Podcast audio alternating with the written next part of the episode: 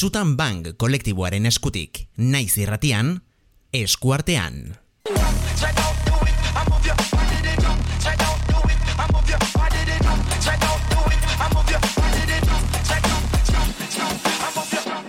Iru, bi, bat, bu!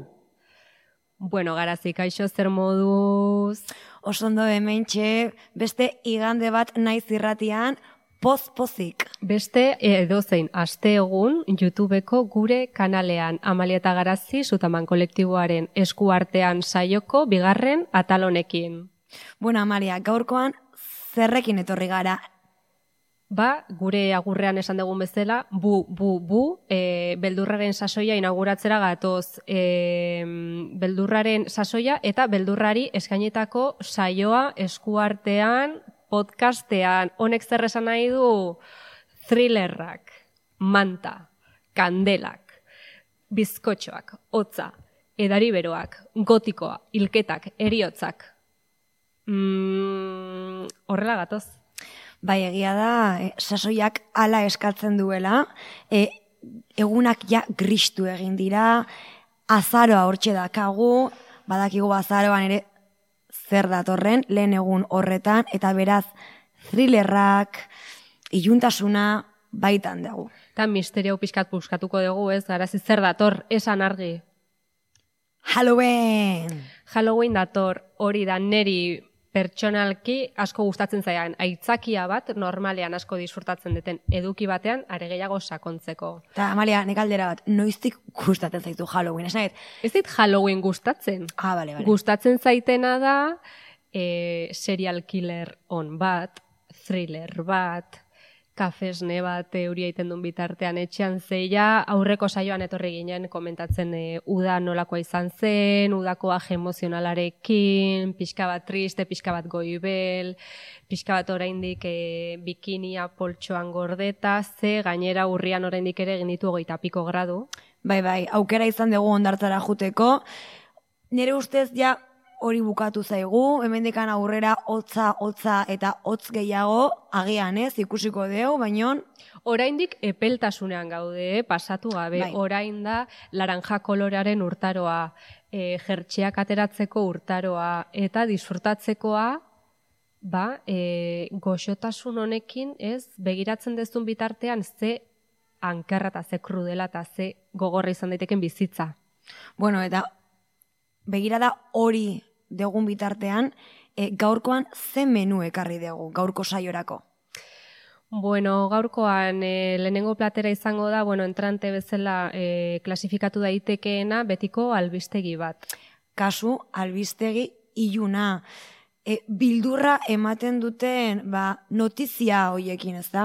Bai, e, egin dugu, ba, bildu dugu, egin dugu ensaladilla rusa, nazkagarri bat egertatu diren gauza desagradable eta beldurgarri guztiak, ba, zueiek hartzeko, e, hauen importantzia gero bakoitzak ebaluatuko du, eta gero egingo dugu, ba, betikoa eta berez egitera gatozena eta egiteko deitu zigutena. Ez, izango dela, ba, gomendioak ematea eta ez e, edo zen gomendio, gomendio literarioak hain zuzen ere, bueno, ba, esan degun sasoi hortan thriller, ez da testu inguru horretan, e, zer irakurri dezakegun aipatuko mm. dugu, baino literaturarekin bakarrik etorriko algara oraingoan.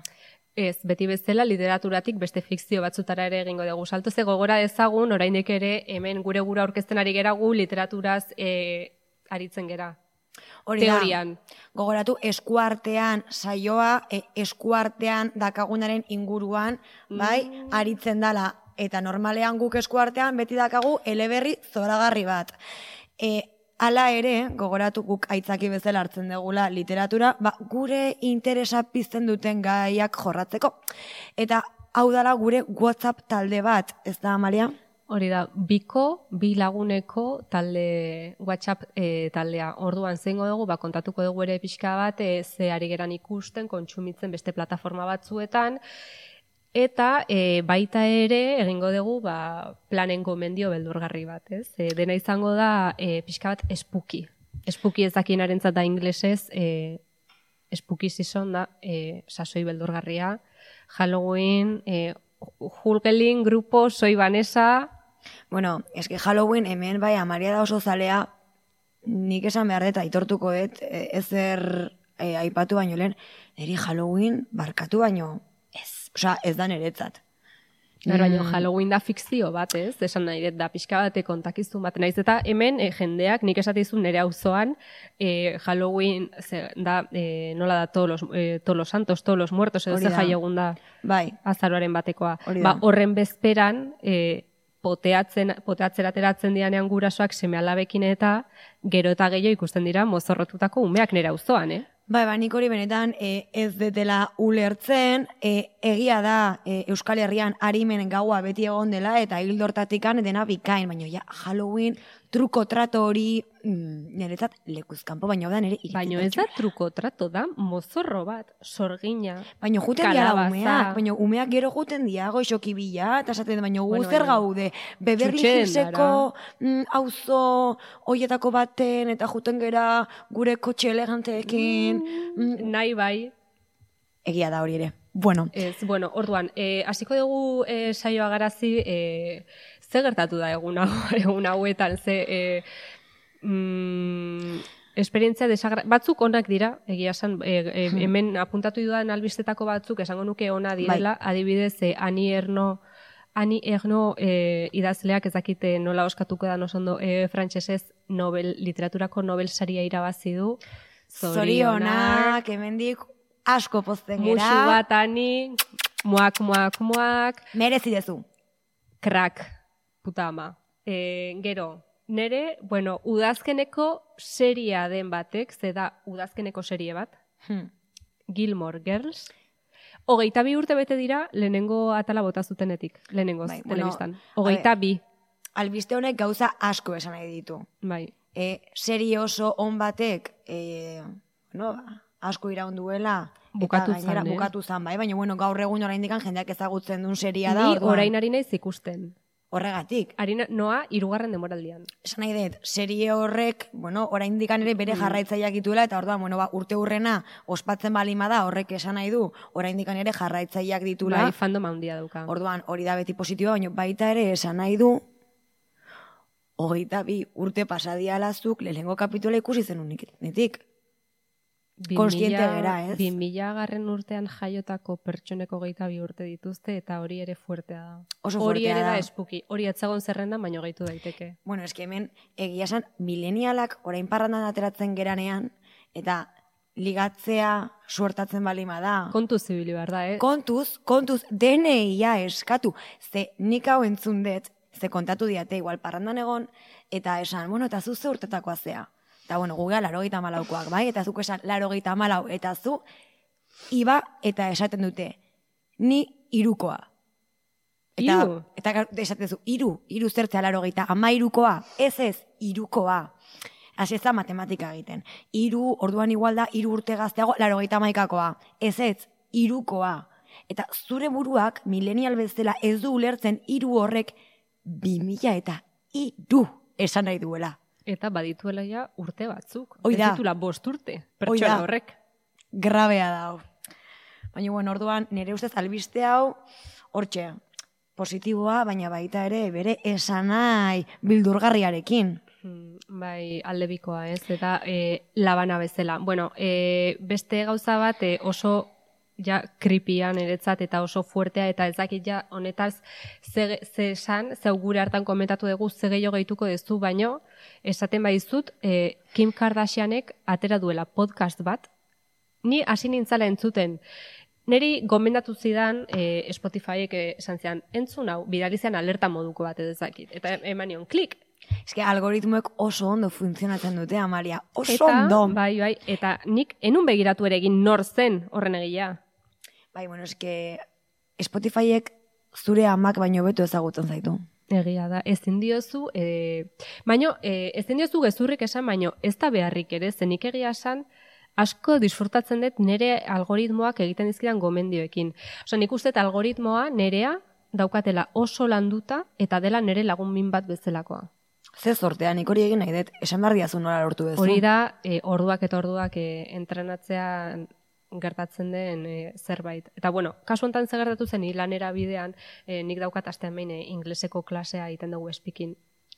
Eta En, ni joan ni balanera autobusean ze berriro ba, euria, iluntasuna, e, argitzen du eguna goizeko amaiketan, eta jarri nun e, klik, eta harin entzan zuten, eta zen dugu dagoen podcast, hau, zan true crime, true crime, e, honek zer esan nahi du, e, kriminalen edo e, epaiketen analisi bat egiten duela. Hori da, baitale telebistan dagona, e, nola da, e, krimenez perfectos o caso resuelto olako bat, eta teatzen diala aktoreekin aspaldiko kasuak, eta bueno, zeonak, bueno, bueno. Zeonak, niri asko gustatzen zezkit. Horrelako zerbait Spotifyen. Bai, hori da. Eta ba, e, horrelakoetan normalean e, egiten dena da, ba, talbakoitzak kontatzen du ba, hiltzaile baten historioa, edo biktima baten historioa, e, hiltzuten horbaitena, kaso ezagun e, batena, eta ikuspegia izan daiteke ba, desberdina, eta lanketa ere desberdina. Kasu honetan zen, e, enun jarraitu ze deskubritu nunean norena zen podcasta esan e, nahikoa da eta kendu egin nuen. Baina ez zen, ba, e, kasu nik uste dut injusto baten inguruko relatoa. Bai, eske Kim Kardashian, hor ikusten dugun toki hortatikan, batzutan e, zentzua duen zerbait egiten du, edo behintzat zentzuduna irudi daitekeen zerbait egiten orduan. Kasu honetan Kim Kardashian bueno, izan zen e, albistea berak bere abokatu tituloa ateazunean, e, berazan e, loyer eta bueno, hortikan aurrera, bueno, ba, e, ematen du edonork egin dezakela, ez da? E, bueno, ba, ibilbide hori, ikasketa horiek, bueno, oso zaiak dira, bale? Orduan, ez dakit berak lortu du, berak esaten du berak bakarrik lortu duela, bai. ustetan, uste askotan e, suspenditu dula, proba eta ziur. azkenekoan uste eta teazula, baina bueno, igual hau da fake news, osea, ez nago ziur, baina bai, esango nuke... Seguraski egin du guk bezen besteko esfortzua. Baina esango nuke igual, e, estatu batuetan, dazkazuela igual, imaginatu, bost aukera, e, abokatua izateko, eta uste bosgarren atera zula. Ze, karo, hori ere, bueno, bere realitian agertzen da. E, hori bain dikan ez ikusi, baina uste horri bilizala. Total, e, orain bere, bueno, ba, lanpostu berri hortan, erabaki du, bueno, ba, badakigu estatu batuetan, bale, e, pobrea balimazera, ba, bueno, ba, seguraski eriotza zigorra jaso dezakezula, segun ze estatutan zauden, eta ja, beltza balimazea, nite kuento. Bueno, ba, kasua uste dala, más o menos horrela. Orduan, pues, Kim Kardashian, bea dalako pertsona ona, bakizu... Bai, da Jesukristo bezala. Jesukristo emakumea, behaxe. Bai, eta famatua, eta e, faja marka batekin. Faja eta zerren ez, osen Ze, karo, hori da ez, da, edo podcasta, edo makillaje marka bat, edo fajak. Bai, edo azken aldian, e, gustatzen zaio diseño de interiores, eta hasi da egiten, ba, komunerako eta, ba, bi euro balio duten objektuak, basikamente berdin-berdinak, ba, igual berreun eurotara, bueno, dolarretara saltzen. Bueno, hori bai dela, hori bai izan dela ere, beldurgarria igual podcasta baino garrantzitsuagoa zen hori aipatzea ze benetan, eh, batzuetan, marketing on batek ze lan egiten duen gizarte honetan, eh? ze horrek bai funtzionatzen duela ondo. Bai, bueno, gure entzulek eh, jakin dezaten, bueno, eh, aterazan lengoan Kim Kardashian bere, bueno, ba, ekipo guztiarekin, ba, azaltzen bere produktu berria, eta bere produktu berria da, eta hau ez da gezurra, eh, sin más, e, komunean eukidezakegun edozer gauza simple, inungo mm, kolorerik gabe, porque orain bera da minimalista. Eta gustatzen zaio dena nude, eta gustatzen zaio dena simple. Hala ere, hor ere igual matizatu behar da pixka bat. Zeren, hemen dago aldagai bat oso handia horretan eragin zuzena izan duena. Dela bere senarra izandako Kanye West. Kanye, Kanye, ez dakit nola esaten da, nik deitzen diot Kanye West, zena jago ez pixkat parregin bere inguruan. Hemen dikan aurrera denok Kanye West. Orduan, mobida zein da. Kanye Westek e, dauka estetika bat, e, bueno, Kanye West da pertsona bat nahiko estrainoa, e, gaixotasun batzuk dituena e, umorerik gabe, bueno, e, ez dago oso ondo eta dauka batez ere e, ba, eraikin batean kabitzen etzaion narzisismo bat. Eta e, sortu zuen, berak zeukan, ez, bueno, ez zuen sortu, nik uste etzela Kim Kardashianen estilista... Bai, e, nik ikusi nun nola ezagutu zian, bai, e, jarraitu dut realitea nahiko, e, bueno, Bai, hau asteroko zerbait da, beti bai. dago Kardashian update bat. Eta bueno, total, ezagutu zianean, Kardashian, Kim Kardashian zegoen, ba, bere e, aurkitze fase batean, eukiz, dibortziatu zan, bale? E, dibortzio bat jasantzun, orduan ego zegoen plan, ba, bere burua aurkitzen, eta tipoa zan modan oso ona, eta eskatzen zion beti ba bere iritzia. Eta ja hor hasi zan, pues, zerbait amorosoa, erromantikoa, enroiatu ziren, enroiatu ziren musu musu, eta orduan, hortikan aurrera, bera hasi zan pixka bat baita ere definitzen Kim Kardashianen estiloa. Ze esate zion, bere estiloa izan bertzara, ba, zehatzagoa, modernoagoa, eta hor hasi zan poliki-poliki bere armairua aldatzen. Bere armairua eta bere guztia, ze hor hasi zian, Kim Kardashianen ipurdiko operazioak, makillaje marka. E, gero gaur egun modan jarri den e, nude koloreen, azal e, mota desberdin kolore hoien, e, lur kolore hoien moda, hemendik dator. Hau da, beraiek asizialako e, dena simple-simple, akzesori gabe, e, kalera noa txandal e, txik bat jantzita, eta hau da, Kanye Westen burutik ateratako zerbait. Eta rebrandin horren e, beste puntu bat izan zen, e, beraien etxea ere berak jarri zuela, diseinua berak egin zuela. Eta zeukaten etxe bat utxa. Ei, eski, muti hau da txiko pato.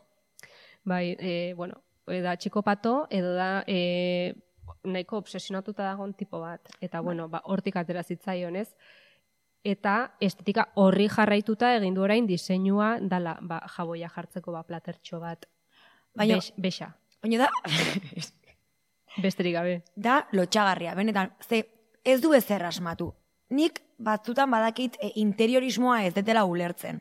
Eta hori da nere faioa, bale, ados. Baina kasu hontan Kim Kardashianek ez du ezer asmatu eta ari da saltzen dagoeneko ikean dakagun zerbait, bale? Orduan, e, ez dakit zenbat eskatuko duen bere, bueno, ba, produktu berrien truke, baina timo bat da. Osa, da, estafa. Estafa piramidal. Total.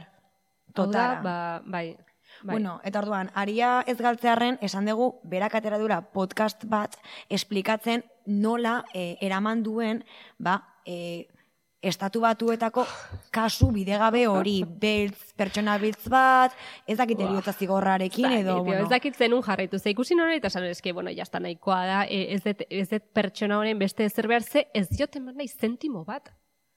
Bai, bai, eta gero aparte da, osea, da, tipa da como salbatzaia, esan dezu bezala Jesucristo. Justiziera. Justiziera bat, orduan. Hori ere, ba, erabaki dugu sartzea gure albistegi berezi honetan, ezta?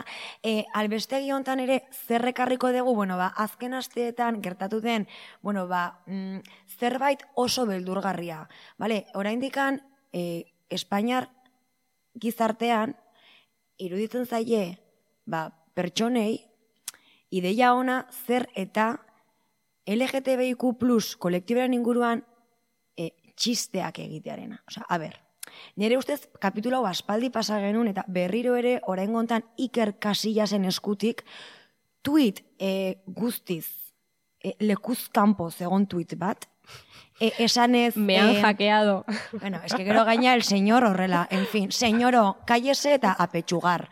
Porque mutiko honi eh, okurritu zaio ideia hona dala jartzea tuit batean, eh, nola, eh, bueno, eh, zerbait dut aitortzeko, eh, geia naiz, errespetua espero dut. Eta gero, eh, Puyol... Hashtag igandeon hashtag igandeon. Eta gero, Puyol, beste bat, en fin, beste senyoro bat, jartzen, bueno, iker, momentua da gure artekoa, e, ba, publikoari esateko. Eta, jajas. Karkarrak egon dira e, Twitter kontuetan, gu gure txangelitu gera serio-serio e, hau bete hortz, esaten bezala, beste modotera esan da, xokeatuta eta flipatzen, ze kolega pasatzea eta gainera gero esatea, e, me han hackeado, eh, no volverá a pasar, en plan, no volverá a pasar, es que ez barkatu. Eh, eta TikToken gainera, eh, honen ondorioz, orain trend da berriro ere, ba, bueno, Pakita Salas da, niretzat, bueno, ba, serie oso on bat, mm, Referente. Referente, eta nere humorearekin bat eta torren serie bueno, ba, garrantzitsu bat eta asko gustatzen zaitena eta hor baita ere, bueno, ba, gertatzen da bertako ba, pertsonai bati gertatzen zaiola ba, e, bueno, ba, eduki sexual bat konturatu gabe jartzen duela interneten. Eta hor dago, ba, bere sare sozialak eramaten dituen pertsona heldu bat, eta hartzen du mugikorra, eta jartzen du. Bueno, esango dugu turko batek jakeatu dula e, kontua eta sansakabo. Eta basikamente Iker Casillasek hori egin du. Igual berak ere pakitas salas ikusten du eta erabaki du e, ba, ba, adibidea jarritzea. Bai, esaten demezela ez e, kabeza de turko, turko buru. Eta Erabili du jakeatzai anonimo bate, ja hori tuiteatu eta jun dena. Ze hor gelditu da asuntoa gainera. Bea, da loitxagarria, e, 2008 garren urtean gaude, mesedez, e, txisteak Grazia egin dezatela. Grazia egin dezatela, osea, umore beltza e, ongi etorri, niri gustatzen zait, baino, baino eske hori ez da ere umore bai. beltza, tio. Ez da, orduan, mesedez, guazen, e, gauzak egin bainoren bitan pentsatzera, eta Iker zen kasuan, igual, irutan pentsatu beharko nuke. Igual, clown kurso batera puntatu. Agian, apika.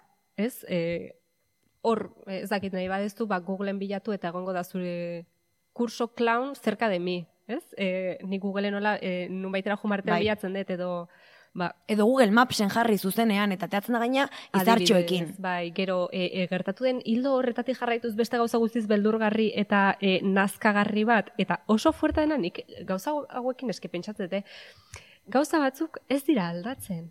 Ez dira aldatzen. Ze gertatu da kolegio maior batean e, Madrilen edo Madrilen zan, enago ziur, enago ziur. Bueno, e, ba, tipo bat e, e, grabatzen, ni, karo, ni nengo nire txan, eta ikusi nun lehenengo audiorik gabe bideoa, ez? Eta agertzen zitzai, zitzaidan pantailan mugikorrean. E, eraikin bat, e, leio bat zabalik, e, gau, gaua zen, eta leio horretan argia zegoen, ordun e, ikusten da norbait e, izketan, e, zerbait e, esaten bezala, eta gero egotzen dira, ba, erai fatxada horretako beste leioetako e, persianak, eta agertzen dira e, pertsonak leio hoietan ere bai.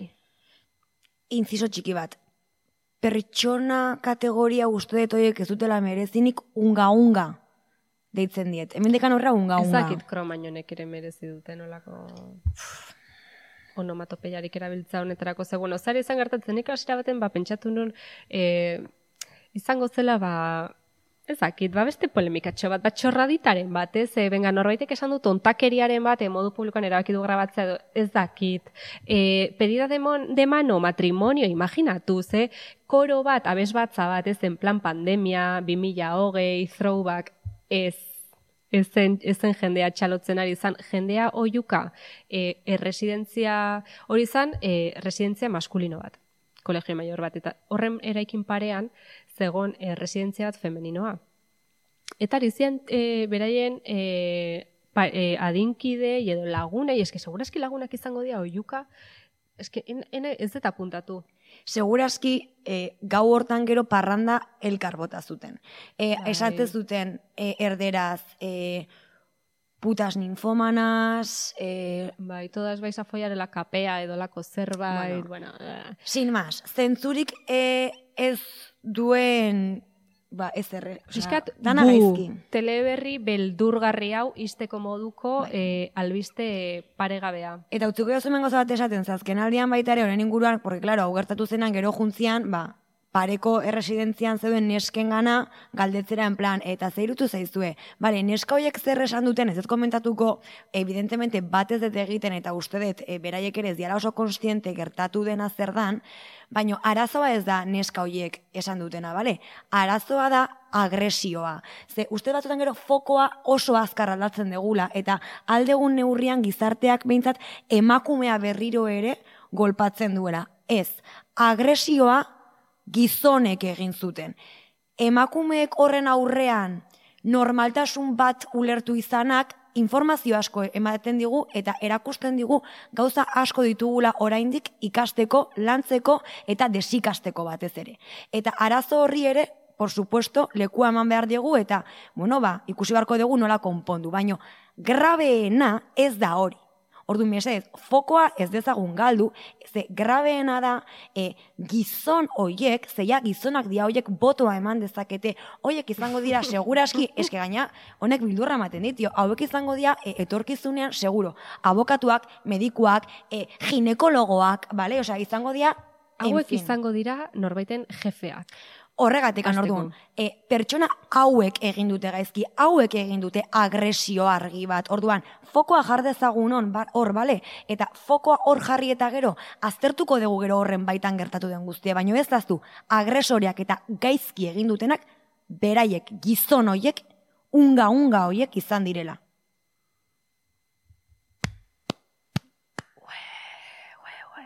Eta esan dezagun eh, adibidez beste eh, notatxo bat, ez? Eh, beste behin ikusgai gelditu da, gurean balio gehiago daukala klaseak beste gauza batzuekiko. Benga, urrengo, urrengo puntura egingo dugu jauzi, garazi, goazen, e, mamira, itxi dugu teleberri beldurgarri hau, e, jungo gera mm, beldur plazenteroago baten bila, dela, e, liburu liburu beldurgarriena, ez? E, guazen literaturan pixka bat murgiltzea, dela bagu etorri gara nahitea. Hori da, bueno, e, nik badakizue, bueno, ez dakit igual ez dakizue, baina orain esango dizuet, niri thriller, thrillerrak asko gustatzen zaizkit. Baina asko da, asko, asko, asko. Igual da nire genero favoritoa. Bai, gugera hemen pro serial killer. Mhm, hori da. E, pro hiltzaile. Orduan, e, Pro indarkeri. Pro delito. Bueno, eta hori argi utzi eta gero, e, ekarri ditut, ba, thriller batzuk nik oso gustora irakurri ditutenak, eta agian ba gure entzuleek eta YouTubeko ikus entzunleek ere, ba, irakur ditzaketenak. Lehengo adibidea izan da, ekarri dietena, un plan sangriento. Graeme Macrae Burnet. Un igual amaliako hobeto irakurriko du. A ber, gure elean hitzak nola irakur, irakurtzen duen. Nungoa da idazle hau ze... Vale, hemen orain... gainera da edizio hemen hau e, bakarrik e, e, ikustena izatenak ikusiko duzu ez, e, baino ez dauka testurik kanpoan. Bai, badaka, baino garazik eh, ez du ondo zaindu liburua. Da liburu bat hoietako daukala kanpoan e, paper e, beste azal bat ez edo. Eta udaran irakurri nun, eta klaro, ba, azal hori etxean dago, baino lotxa eman dit ekartzea. Baina eta- polita da hola ere bai. Bai, gauza izan da, bueno, liburu zergatik ekarri dut. Izan derako, e, deskubrimentu bat. Bale, eta hain esplikatuko izut, bai?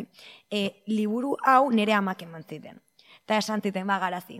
Zuri thriller, thrillerra gustatzen zaizu. Eta da, thriller oso berezia. Berezia zergatik oinarritzen delako, Eskozian, emantzan kasu erreal batean. Usted, e, emeretzigarren mendean, igual lehenago, ez dakit, bueno, e, buruzaren ez, aspaldi irakurri nula, baina bueno.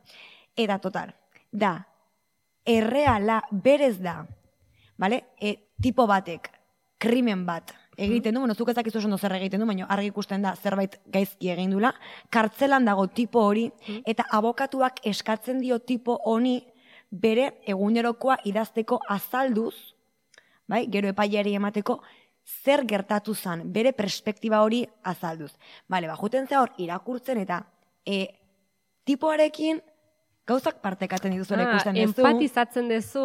Pero empatizatzen duzu una pasada, eta gaina sinisten duzu bere bertsioa. Ja, Baina, ja, ja, ja. gero, bere bertsio irakurrita gero, daude, kasu hortako, bale, froga forense guztiak, errealak, eta irakurtzen dituzu.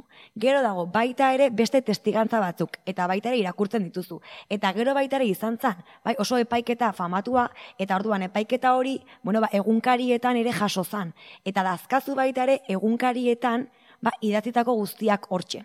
Orduan, astezea, e, oneri behintzat hola gertatu zait. Astezea, eleberria, e, rollo, ba, e, erasotzailea ulertuz, eta inkluso erasotzailea justifikatuz, eta gero bat batean ikustezunean beste guztia esatezu, buah txabal, empatizatu dut monstruo batekin. gaiztoa naiz pentsatzen duzu, ez batzutan, eski, claro, horrelako historietan murgiltzen zeanean, eta horrorezko edukiak eta pelikulak eta seriak eta liburuak eta e, kontatzen dizute e, kriminal horren bizitza eta nolakoa den pertsonari edo ezakit beste matiz batzuk edo sakontzen duzu historiaren beste aldagai batzuetan eta errepente ikustezu zure burua esaten. Baina nola egin diote hori, nola sartu dutela kartzelaran ere pertsonaia favoritoa, edo si supermajoa da, edo bai eta batzutan da pixkat arriskutsua, ez? Eta dituzu gero derrepente pensamendu intrusiboak eta esatezu, eta ni gaizto naiz, eta nik egingo nuke olako zerbait, eta nik kapaz izango nintzak eta ze pentsatuko nuke nik. Eta esango bali edo adibidez, deitzen dizut eta esatizut egun batean bagarazi. Zerbait gertatu da, e, bota dezakez torin ere kamiseta hau, erre eta bota. Utziko dizut hemen pasa honen bila, ez galdetu ezer. Egingo zenuke. Noski bai, eta malia. Eske, klaro, horrelako dilemak eta, eta batzutan pentsatzen dut, eta esatet, egingo zenuke. Eta jartzen ere burua, egoera guztiz, e, surrealista eta, mm, ezakit. E, Gertatuko ez bai. Eta estresatzen aiz pila bat.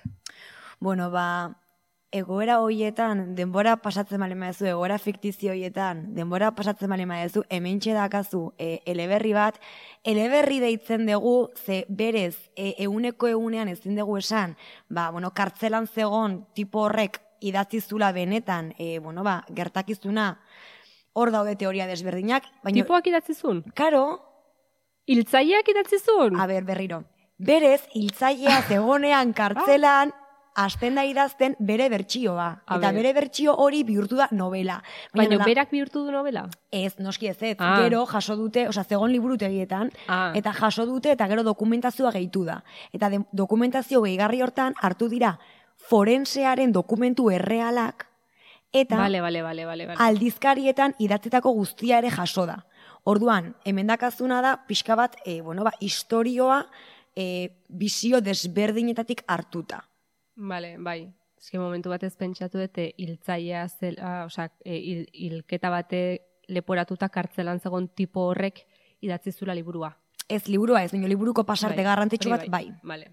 Vale, vale, vale. Beraz, hementxe aukera nahiko interesgarria berezia eta originala. Hemen beti agertzen dira gure saioagoetan e, noizbenka gure gurasoak, eh? Aita gomendatu dita, o ama gomendatu dita, o aititezakitzer. Ama, beti, familia beti agertzen da, nik e, askotan irakurri izan dut e, Mankel, Henning uste deitzen dela. Uste esango nuke asmatzen ari naiz, baina bestela ba, Googleen bilatu suediarra dela. Baina da, ba, literatura beltza e, nordikoa idazten duen e, idazle bat eta e, hori da asko disfrutatzen duten ezakit nola deitu, e, subgenero bat, ze da, hango novela gintza da ba, oso oparoa, ez? Eta daude, idazle pila bat, e, ba, dianak mm, nordikoak, eta idazten dutenak ba, novela beltza. Baina eske, iparraldean dakate, Europa iparraldean dakate, arte asko ze, baita ere asko idazte dituzte abestiak, benetan, hor daude, musikari pilo bat, en bai. E, abesti sortzaileak bai, edo letra sortzaileak. adibidez, esan nahi du gaztea, bai, suediarrak. Orduan, hor dagola baita ere, hor sortzaile... Bai, dago mugimendu bat, dago. Ez da, nik uste, e, iristen dela momentu bat, egunak ditunean e, iluntasuneko hainbeste hor du, eta etxea sartzen zatazten zea idazten. Eta seguro kriminalidade eta zaire toki askotan oso altua dela eta jendagoela jende kolgatu pila bat. Eta ordan zu komendatzen duzu jende kolgatu horren e, lanak irakurtzea. Ba, ez oso profesionala dira, gero oso ondo idazten dute. Eta niri egia esan basko gustatzen zaizkit eta ez dute decepzionatzen. Nik mankel bat beti irakurriko nuke. Bueno, hori ere apuntatuko dugu, thriller bat irakurri nahi dugunean kontuan izateko. Bai, zergatik ez. Gero, mm, ezin dugu pasa gure idolo bat, krak, esaten dizutenean, e, hilda edo bizirik dagoen pertsona afamatu batekin afaldu alko bazenu, norra aukeratuko zenuke, edo galdetzen dizutenean e, e, favorite blunt rotation. Hori ezakit bakizun zer den. Egia esan ez. Ez ulertzen. E, blunt rotationa aukeratzeko esate dizutenean blunt da porro. Mm, Mamia. Eta e, rotation da kuadrilla. Orduan, esan dezagun dela, eh, a, norbait, eh, zakit, eh, txupitoa hartzeko mai inguru bat. Eh, eta aukeratu behar dituzu mailan esertzeko lau pertsona. Nik bat aukeratuko nuke... Nor? Eh, Agatha Christie, la reina del crimen. Bai, gaina del cozy crimen. Bai, Bai. Oso posh, oso bai. klasi. Orgoaz beste e, subgenero batera dela cozy mystery. Cozy mystery da e, ba, krimenak kontatzen dituzten historiak, baino modu oso goxoan. Ez zaude e, kanpina inglesa herri txiki bat. Agertzen da hilda herriko jardineroa, jan eta gero gaztatarta bat. Eta tea hartzen zuten bitartean, hots bat entzun zuten agian e, medikuarena, agian hmm. kriminalarena. Eta aukertatu da herri bazkari batean, eta e, izan da intoxikazio bat orduan badakizu, izan dela handagon e, jende taldeko norbait. Orduan, esaten ari geran hau da egoera oso tipiko bat, e, kousi misteri batena, baino da Agatha Christie asmatu zen formatu batena. Hau da, Agatha Christie izan zen e, pionera bi gauzetan bat e, novela gintzan, eta bi surfe egiten. bueno, eta hirugarren bat baita ere. Ah, zertan? E, ba, bere gizonari susto galanta ematen. Bueno, eske ella, protagonista de, de su libro, claro. Claro, oza, sea, huezakitak izuen, baina Agatha Christik ikusizun bere senarra aizala adarra jartzen, berari, beste emakume batekin, eta orduan bai. tipak zera bakizun. Bere maitalearen izenarekin espabatera jutea, bere senarraren, a ber, guazen pixkat kokatzera gure burua. Zuzera gata, Kristi. Nire zaude ezkonduta tipo batekin, militar batekin, daukazu alaba bat berarekin, el kuadro ja pintarraro. Orduan, ze gertatzen da, urteak pasatzen dira eta derrepente ikustezu zure e, matrimonioa doala pikutara. Eta kontuatzea, ba, zure gizon militar hori ba, beste batekin daola. Orduan, ze egiten duzu, negar, ez. Montas teatro noski baiet, drama, drama goraino. Eta zer egiten duzu, hartzen duzu, zure senarraren maitalearen izena, eta juten zera balneario batera, tranquil, tranquil, eta bien bitartean, beste denak zure bila, pentsatuz desagertu zarela hori da titularrak bete zituen egunkarietan, e, txakurrak jendea, txakurrak esan nahi dute polizia, txakurrekin e, bere bila, e, voluntario pilat bere bila, ez zuen inorka aurkitzen, utzizun, mira, mirala ella, ze dramatika, e, utzizun bere kotxea botata, eta uste bere pasaportea, eta bere txamarra bat edo olako zerbait, eta bera junzan. Hombre, bera da la reina del crimen, osea, ondo intzun. Bueno, fantasia. Eta junzan, ba, espa batera. Eta denbora pasata, e, egun batzuk pasata, aurkituzun, e, bazakit, detektibe batek edo, poliziako norbaitek edo, e, dena delakoak, e, ba, tipa, lasai-lasai, hor. Eta inoiz ez duen esplikaziorik eman. Inoiz ezen argitu misterioa ba daude liburu asko fikzionatzen dutenak e, egun horietan ba pasazena eta egiten dutenak ba e, novelara eraman berak inoiz ez baiestatu ez e, ez estatu duen ba historia kontatzen ez eta bere autobiografia ere aipatu nahiko nuke zeidatzi zuen eta niretzako da e, beste liburu bat bezala ze kontatzizu bere bizitza guztia osea dena eta ulertzen duzu bere garaia bere gizartea nolakoa zen eta bera nolakoa zen emakumea izateko eta tokatu zitzaion gizartea kontuan hartuta, gauza asko lortu zituen emakume honek. Eh? Eta bizi izan zen, nahi izan zuen bezala dela, importanteena nire ustez. Orduan, bueno, bere fikziora bueltatuta, ez?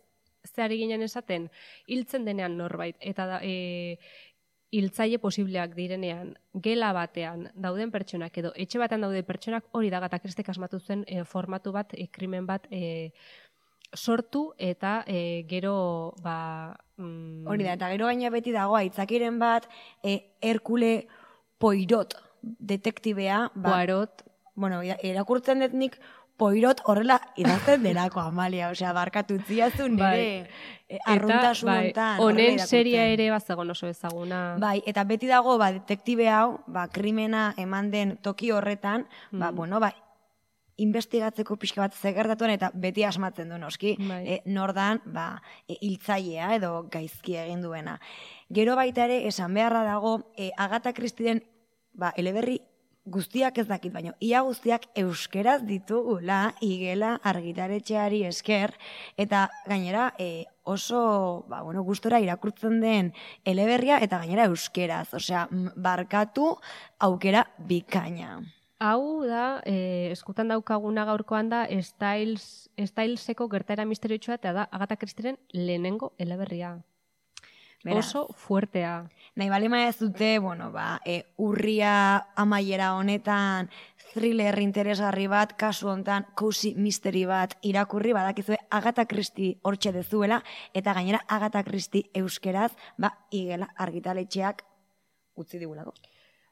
Goxo-goxo etxean oso guztori irakurtzeko moduko irakurketak beti agata kristirenak. E, nik irakurri nuen adibidez, e, datorkit burura, e, garai o, Agatha Christie bizizandako garaian kokatutako historio bat delako, baino e, gaur egun, bueno, iaz argitaratutako liburu bat delako, eta gertatu zelako zerbait niretzako pixkatarraroa dena. Idazela da Virginia Feito eta liburua da La Señora March.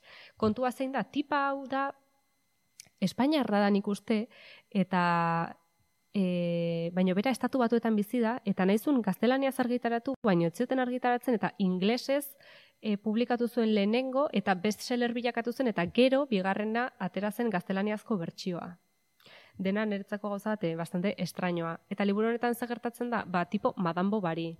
Zer esan nahi detonekin, e, historioa niretzako da nahiko e, sin masa, baino lortzen du oso ondo nahi duena. Hau da, e, la señora March da e, eleberri bat kontatzen dizuna, tipa baten e, paranoia, da tipa bat oso paranoika, eta ezin egon hori transmititzen dizu superondo tragedia batera arte. Eta juten da tentsioa sortzen, sortzen, sortzen, sortzen, eta da guztiz e, agobiantea.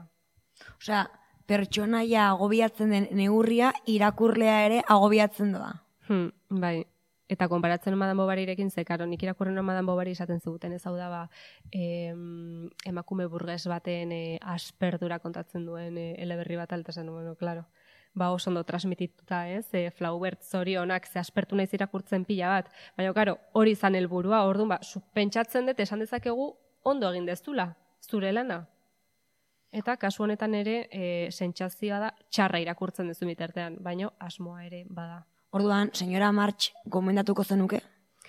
Bai, eta e, da e, asko saldu den liburu bat, kritika oso onak izan dituen liburu bat, Eta nik uste ba, oso interesgarria ere ba, e, ari geran e, sentsazio hauek bilatzen badituzu, ez? E, udazkena, beldurtxoa, irurogei garren amarka, ez, igual pixka delenago, irurogei garren amarkadan kokatutako e, matrimonio bat, emakume bat, e, e, klase altukoa antolatzen dituna bere etxean afari pila bat bere senarraren lagunentzako eta hola, frustrazio pila bat dituna, ez daukalako bizitza propioa, bak izu betiko panorama. Bueno, bueno, ba, puntatuko dugu eta urrengo baterako badakigu aukera hori ere hortxe da, hola. Bai, nik egia esan eh, nahiko azkar irakurri nuen, ari nahi zenbaten hemen eh, hola, eh, deskripzio gazi gozatu, baina nik disfrutatu nuen irakurtzen egia esan. Bueno, ba, beste eleberri bat oso azkar irakurtzen dena, eta baita ere thriller bildurgarri bat dena, bueno. em, Carmen Molaren la novia gitana. Bueno, zanet, Carmen Molaren, baina badakigu Carmen Mola ez dela existitzen. Esan genezake Los Mola. Los Mola, bai, porque hori ere da bildurgarria. Bai. Dena da bildurra. Hori da Los Mola hori da e, liburu hau zerrenda honetan egoteko benetako arrazoia. Bueno, a ber, guazen hemen pixka ere kokatzea gure entzulea. Gauza da, e, bueno, e, Carmen Mola izenarekin, ba, idazle batek argitaratu zuela e, La Novia Gitana. La Novia Gitanak izan zun izugarrizko arrakasta. Egia esan e, oso errex irakurtzen den thriller bat da, e, bildurgarria, e, amets gaiztoak sortzen ditu, thriller honek, e, xixarekin amesten egotezea hilabetez, minimo, eta, bueno, baina, ala ere, irakurri nun, e, ondo pasanun, e, gomendatzen dut, oso errex irakurtzen da, baina, karo, Carmen Mola. Ni egon Carmen Mola gora bera, e, badakizu batzuetan nik antzeman egiten dutela e, noiz gizon batek irakurtzen, e, irakurri ez barkatu, idazten duen e, leberria, eta kasu honetan oso gustora aritu nintzen, baina, e, estena batzuetan, e, pasarte batzuetan, esaten hon, Jesus, hau, emakume batek idatzi du, oso ondo, eh, baina, Baina, qué raro, ¿no? Ella se levantó, se hizo un café mientras miraba por la ventana, ezakit, zerretazu barkatu. Raro. Barkatu ze, ze emakume da hori, ze mm. klase da. Esan nahi gertaliteke, eh? baina esan nahi mm, gauza arrarotxo batzuk. Eta total, Carmen Mola jarren ulanik interneten, eta atea zanor dramoia, Osa, Bildur... polemika eta gero deskubritu zer honu, zura indik e, zorion bizi zeinan. Bai, ni batzutan bizi naiz kobazulo batean, eta kobazulo batean bizitzean oso gustora dago bat. Eta ez da enteratzen horrelako gauzak gertatzen direnean, bos, zer nolako jartzuna duten, ba, dibidez, e, Carmen Mola jakitean, e, diala iru idazle, bale? Dia iru tipo, eta jaso zuten ez dakize premio... Mola tarrak, deituko dugu. Planeta, puede ser? Bai, izango da, bai. Bai, hola oso ezagun baten ez goratzen izenaz, baino... Total, esan dutela, Carmen Mola irabazlea zea, eta bof, ateazean hiru gizontxo, esan ez, bueno, ba, beraiek ez dutela idatzen nahi, beraien izena, anonimatoa eta bar mantentzeko, eta kasualidadea etuten jarri Ramon Jimenez, jarri zuten Carmen Mola, emakume baten izena, eta claro, eta orduan, claro, hor ja, ateazan megadrama bat, e, kesi eman dizue saria emakume bat zelako bakarrik. E... Eta barkatu esatea, bai, eta hau, etzen publikoa izango, baino molatarrak irugizun ziala sektoreak bazekien ziur. Seguro. venga.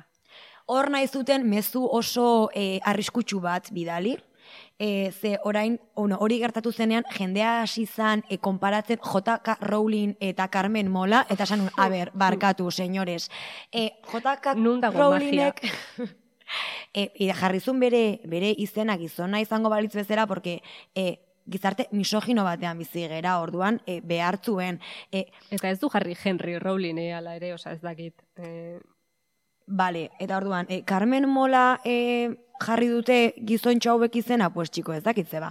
Bida, eta mm, bildurrezko histori hori alde batera utziz, esan beharra dago, liburuak merezi duela, baino batez ere, bueno, nik em, dira irulan, eta nik irulanak irakurri ditut. E, gehien gustatu zaidena izan da, e, bigarrena, e, larrez purpura, e, bueno, baita ere oso bildurgarria, baino asko disfrutatu detena, eta gero, irugarna da, lanena, eta nire ustez ja... lanena. Bai. Lanena da konte. Bai. Eta nire ustez ja horri izan da pixka bat e, luzatu gehiegi zekaten arrakasta. Osa, da, como... Bai, luzatute xiklea eta indu... Klintxin, klintxin, kaix egin behar dugu, dakagu tiroia, bagoazen irugarren bat egitera. Igualetzen hola, eh? Ez dakit. Baina bai, la novia gitana dala lehengoa eta larrez purpura dala bigarrena badakate lotura bat. Baina berez, larrez purpurarekin bukatu ziteken historio hau, baina keba, atea zuten lanena. Orduan, ez dakit, hiruak irakurri ditut gehien gustatu zaitena izan da bigarrena larrez purpura, baina la novia gitana oso ondo zegon baita ere. Eta gainera orain serie bat atera dute. Bai, egia da, bai, bai. Bueno, oraindik ez atera ez, e, ikusi nuna pu, e, publia, ez dakit, ja inbeste gauzaite dituzte. Ba, ez dakit, trailerra, igual atea dute, ze bueno, trailerrak, gora trailerrak bera, ze trailer zoragarria atera da hilabete hontan. Bueno, ba, egingo dugu salto, komentario honekin e, urrengo ataltxora izango dela beste fikzio batzu komentatzeko atala. Eta zergatik egingo dugu salto eta zergatik gara ziren komentario atera delako biok e, e, ikusteko kriston gogoa daukagun pelikula bat dela. Beldurra, berez, ez, pixkat intriga esango nuke fantasia, irati pelikula. Bueno, e, zine aretoetara iristen den segunduan ni hortxe izango naiz. De hecho, e, hemen dago... E, festivala, ez da? Bai, aurkeztuko dute pelikula Donostiako nola da fantasia, terror festivalean, beldurrezko zinemaren jaialdian, baina gero aretoetara otxailan iritsiko da. Osa, kesan oraindik eh, motivatu eta pixkate itxaron beharko dugu. E, Itxarongo dugu. Saretan ikusten, ezaki, trailerrari play, play, play ematen. Zitxesen aurkeztu dute eta mm. kritika oso onak jaso ditu bai, pelikulak. Horengo zitsura oso dauka, Paul Urkijoren pelikula berria da, errementari egin zuen e, zuzendariarena, protagonistak dira edurne azkarate, krak, krak, krak, krak, krak, krak, crush, e, puta ama. Famosa berria egongo da toki guztietan ikusiko zue, eta eneko sagardoi eta itziarrituño, ba, badakizuen hortzu dian. E... Zer esanik ez, bai. oieke bai, pute samez. Orduan, e, gu gaude superpozik honekin egia esan. Eta, bueno, garazi, beste ezakit, beste gomendio txoren bat, beste, bueno, nik lehen esan dut ere, baino Gilmore Girls, udazkena, espuki ez da, ez da oso beldurrezkoa, baino da oso udazkenekoa, eta oso ondo sartzen den serie bat. Bilatzen ari zea serie bat oso erosoa ikusteko, bat ere beldurrik ematen ez duena gauza guztiz, e, predezibla gertatzen dianak eta zazpi temporada irauten ditunak, Gilmore Girls.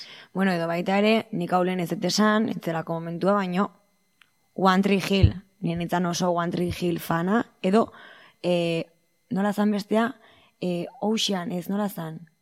Bueno, gero beste bat zagon baita ere. Bai, e, ora ez, orange. Orange, orange, bai esaten, orange naranja bai, ez da izango. E, bai, Bai, ez da, ez da, ez da izena, baina Bueno, jarri bai, Google, Orange, eh, Smallville, Oh, baita ere. Bueno, bueno, bueno, bueno, bueno. Eta, bueno, gero daude ere beste e, serie mitiko batzuk, Murder, She Wrote, osea, se ha escrito un crimen, Angela Lansbury, e, Bueno, eta gero beti dago baita ere aukera energi jartzeko, eta energin beti dago. Eske ni naiz, eh, bueno, ikusle, Oso zalea. ikusle zalea, dakazue.